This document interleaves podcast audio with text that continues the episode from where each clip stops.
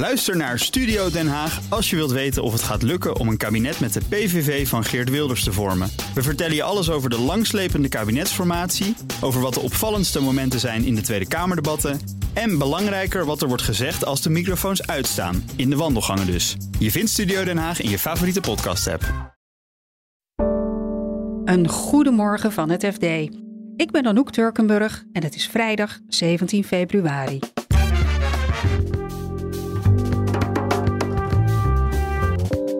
Boeren mogen prijsafspraken gaan maken.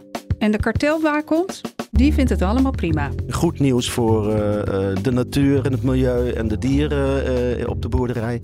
De gedroomde nieuwe baas van Schiphol is er alweer uitgevlogen. Ik vermoed dat het ministerie uh, flink teleurgesteld zal zijn, want de kandidaat die zij hadden, Hanne Buis, is afgeserveerd, is vertrokken, moest vertrekken. En als je een polyester shirtje koopt, zit daar olie in. Wellicht Russische olie. Het is ondoenlijk om overal precies te moeten uitzoeken van... oh ja, dat draadje dat is gemaakt van olie uit Saoedi-Arabië. Dat draadje is gemaakt van olie uit Rusland. Dit is de dagkoers van het FD. Boeren en voedselproducenten zouden onderling prijsafspraken moeten gaan maken. Die oproep doet de baas van de ACM. En dat is opmerkelijk, want de ACM bestrijdt juist dit soort afspraken. Landbouwredacteur Vasco van der Boon legt uit waarom de kartelwaakhond dit dan toch doet. Ja, dat is opmerkelijk, hè? want het is eigenlijk de kartelpolitie in Nederland die dan oproept aan boeren en burgers om kartelafspraken te maken, zou je kunnen zeggen. Mededingingsbeperkende afspraken, prijsafspraken. Ja, die oproep uh, die komt uh, omdat uh, de baas van de kartelpolitie, Martijn Snoep, die denkt dat er bestaande mogelijkheden zijn om voor boeren om betere prijzen voor hun producten te krijgen als ze die milieuvriendelijker produceren.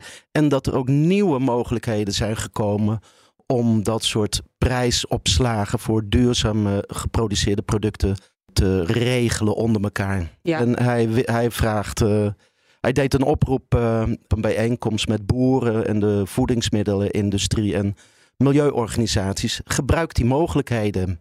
Gebruik de ruimte die daarvoor is. Maar belangrijk is dus, het moeten groene prijsafspraken zijn. En ze moeten er open over zijn. Hè? Dat is ook een voorwaarde.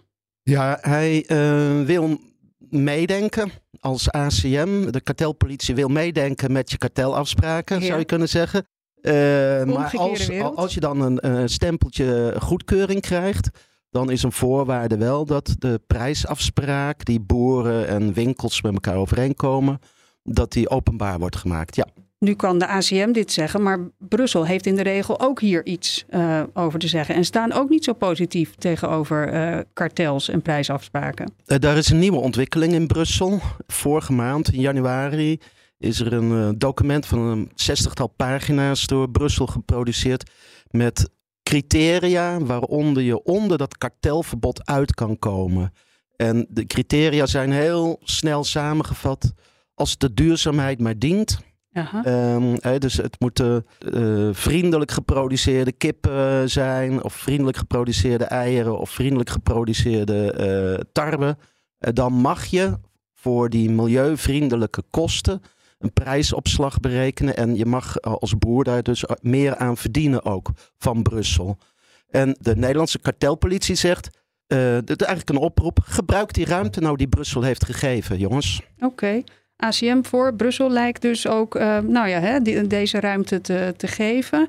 Het is wel opmerkelijk omdat de ACM in het verleden nog best wel streng is opgetreden. Toen waren er ook initiatieven uh, om de plofkippen uit te bannen. Ja, en daar heeft uh, Snoep zich eigenlijk, nou even in mijn eigen woorden, hij heeft zich er eigenlijk voor verontschuldigd. Ah. Dat ze toen eigenlijk te hard van leer hebben getrokken. Inderdaad, de, de, de kip van morgen, dat was in 2015 geloof Mhm. ik. Uh, initiatief van um, ja, dierenbeschermers en boeren en supermarkten samen. Uh, we maken een, een kip die dan de plofkip zou moeten vervangen. Maar die is wel duurder, want het, eh, die kippen zitten dan, die nieuwe kippen, die zitten in grotere hokjes, kost meer geld uh, en krijgen veel lekkerder eten. Ja. En um, er was de afspraak in 2015 dat ze dan die extra kosten mochten ze ehm, in de winkel ehm, doorberekenen. doorberekenen aan de klant. En alle supermarkten zouden meedoen zo'n beetje. En de kartelpolitie heeft toen in 2015 gezegd: nee, nee, dat gaan we niet doen. Nu zegt de kartelpolitie: we hebben daarvan geleerd en de regels zijn ook wel veranderd. De wereld is veranderd. Er is een, dus een nieuwe, nieuw tijdperk aangebroken. Ja, en, en uh, eindelijk uh, ja, goed nieuws voor de boeren lijkt het dan ook. Goed nieuws voor de boeren. Uh, en als je het, uh, ja, de, de, volgens het natuurmonument, vogelbescherming, dierenbescherming, goed nieuws voor de natuur en het milieu en de dieren op de boerderij. Goed nieuws voor de supermarkten, zou je ook kunnen zeggen. Um, Alleen de consument. Ja, precies. het wordt wel wat duurder. Hanne Buis had waarschijnlijk de beste papieren om de hoogste baas van Schiphol te worden. Maar onlangs heeft de operationeel directeur de luchthaven juist verlaten. Je hoort luchtvaartredacteur Jan Verbeek. Hij vertelt je wat er misging. Anne Buis is de bestuurder die bij Schiphol, uh, bij Schiphol Groep verantwoordelijk is voor de operationele zaken. Zij werkt uh, sinds een jaar of twintig voor Schiphol. Heeft een uitstapje gemaakt naar uh, Lelystad Airport, waar ze twee, drie jaar gewerkt heeft. De vakantieluchthaven die nog steeds dicht is, zoals je weet. en is sinds 2,5 jaar bestuurder bij de luchthaven. En maakte deel uit van het team van, van Dick Benschop. En ze had een, een moeilijk dossier daar ook um, onder handen. Zij had een, een heel moeilijk dossier onder handen. Zij, onder handen. Zij heeft onder andere de APIR, de uitbreiding van de luchthaven, onder handen gekregen. Een bouwproject waar de bouwkosten zwaar zijn uitgelopen, sterk zijn uitgelopen. Er was al ruzie met de aannemingscombinatie. En zij heeft dat in, in goede banen geleid in de zin van dat er wordt nu weer verder gebouwd, wordt afgebouwd. En weliswaar tegen veel hogere kosten dan eerder begroot. Goed, dat is niet haar fout, zeg maar. Maar goed, het, het loopt weer en die API die wordt uiteindelijk afgebouwd. Dat was een van de dossiers waar, waar zij mee aan de slag geweest is. Oké, en dat had ze goed gedaan. Dus toen uh, Benschop moest vertrekken, waarom volgde zij hem dan niet op? Anne Buis heeft, uh, was zeker een kandidaat, heeft zeker de revue gepasseerd. Had ook de volledige steun van de grootaandeelhouder, het ministerie van Financiën. Hè. Schiphol is voor, vijf, voor 70% in handen van de, de Nederlandse staat. Dus het ministerie van Financiën heeft daar een hele belangrijke stem in het kapitel.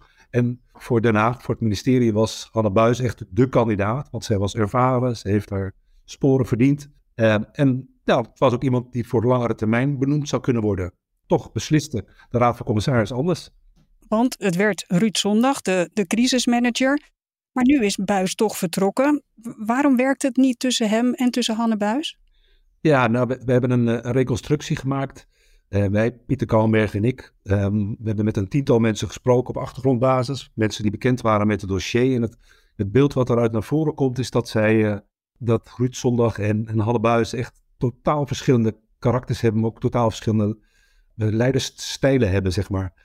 Ruud Zondag realiseerde zich dat hij aangenomen werd als crisismanager. Dus dat hij het probleem, de lange wachtrijen, de beveiliging, de, handbag, de, de, de bagageafhandeling moest oplossen. Daar moest alles voor wijken. Hanne Buis is meer het type bestuurder die heel zorgvuldig, heel verantwoordelijk, in haar ogen verantwoordelijk werk wil afleveren. En, en geen genoegen neemt met de, met de ja, laat het, maar, laat het dan maar even wachten, laat het maar even lopen. Nee, ze, ze, zij vocht voor haar dossiers en, en dat botste eigenlijk voortdurend. Eigenlijk vanaf het begin. Ruud Zondag is op 1 november binnengekomen. En al heel snel zaten die twee met elkaar om de tafel van... ja, wacht even, dit, dit gaat niet goed. Nu heeft zij dus ja, duidelijk het onderspit moeten delven. Ruud Zondag is in principe tijdelijk bij Schiphol. Wie moet hem nu gaan opvolgen uiteindelijk? Dat is de kwestie die nu bij de, bij de Raad van Commissarissen van, van Schiphol ligt. En eigenlijk ook bij het ministerie van Financiën, want die hebben er ook een belangrijke zeggenschap in. Ik vermoed dat het ministerie uh, flink teleurgesteld zal zijn, want de kandidaat die zij hadden, Hanne Buis, is afgeserveerd, is vertrokken, moest vertrekken. Dat was, is toch een flinke domper, een flinke teleurstelling. De Raad van Commissarissen moet nu nadenken over het tijdperk na de crisismanager en kan er niet te lang mee wachten, want uh, de operatie op Schiphol mist nu een directeur die dat ja, in de gaten houdt en, en goed, uh, goed doortrekt. Dus de opvolgingskwestie gaat opnieuw spelen. En de problemen op Schiphol zijn ook nog niet voorbij. Nee, inderdaad. Het, is, uh, het ziet er veel beter uit dan vorig jaar. Maar er zijn nog steeds problemen bij de, bij de beveiliging. Er zijn nog steeds problemen bij de bagageafhandeling. Ehm, en dat betekent dat er nu gesproken wordt over, laten we nu eens kijken, over 5% minder passagiers kunnen laten vertrekken van Schiphol dan eigenlijk in de planning stond. Uh, 5%, dan praat je over enkele duizenden passagiers, vertrekkende passagiers per dag. Nou, op, op 60, 70, 80.000 is dat te doen. Maar goed, dat is de tussenstand. Het kan best zijn dat het probleem uiteindelijk toch groter wordt. Dus Schiphol zit nog steeds in de problemen.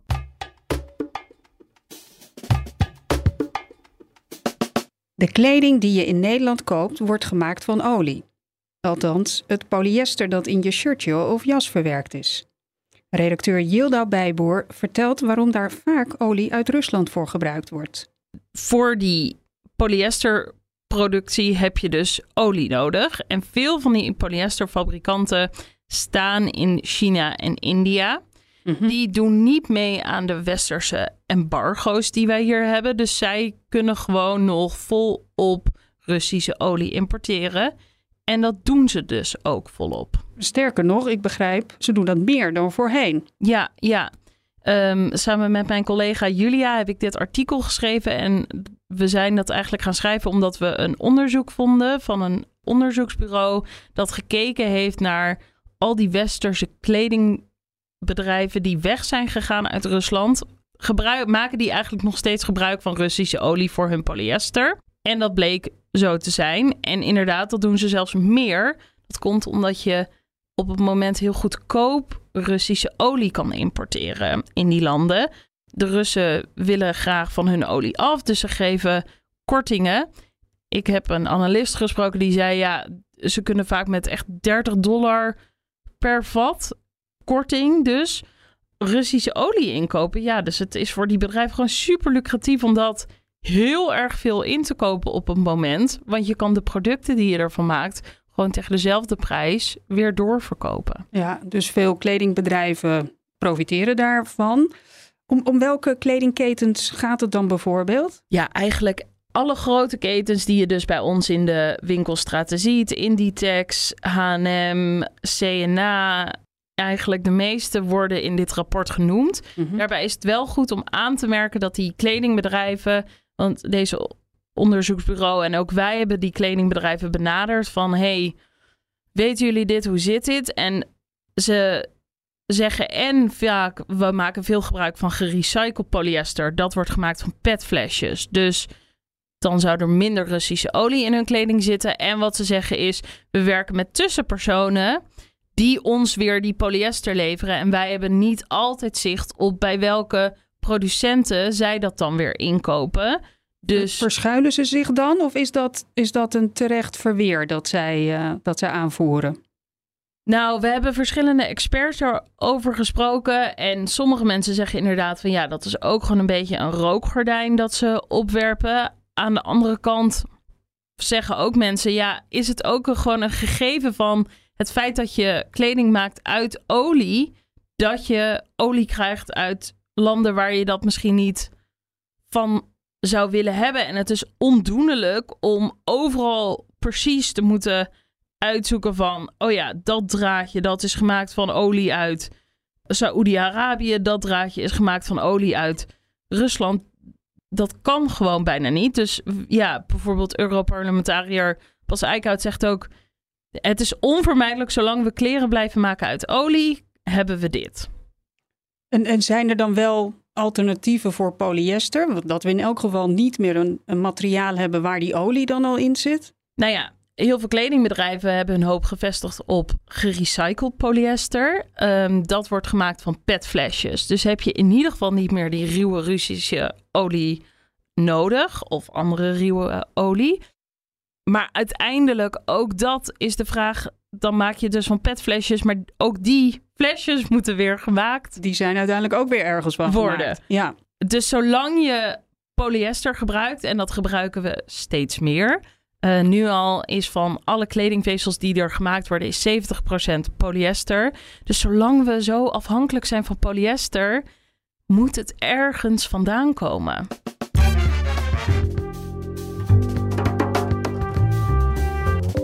Dit was de dagkoers van het FD.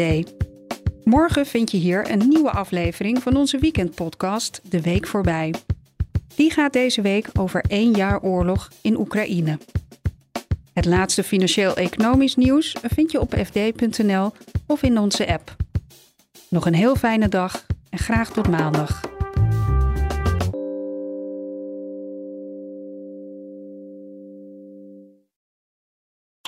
Ook Diana Matroos vind je in de BNR-app. Ja, inderdaad. Je kunt live naar mij luisteren tijdens de Big Five.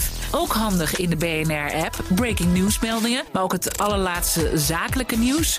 En je vindt in de app alle BNR-podcasts, waaronder Wetenschap Vandaag. Download nu de gratis BNR-app en blijf scherp.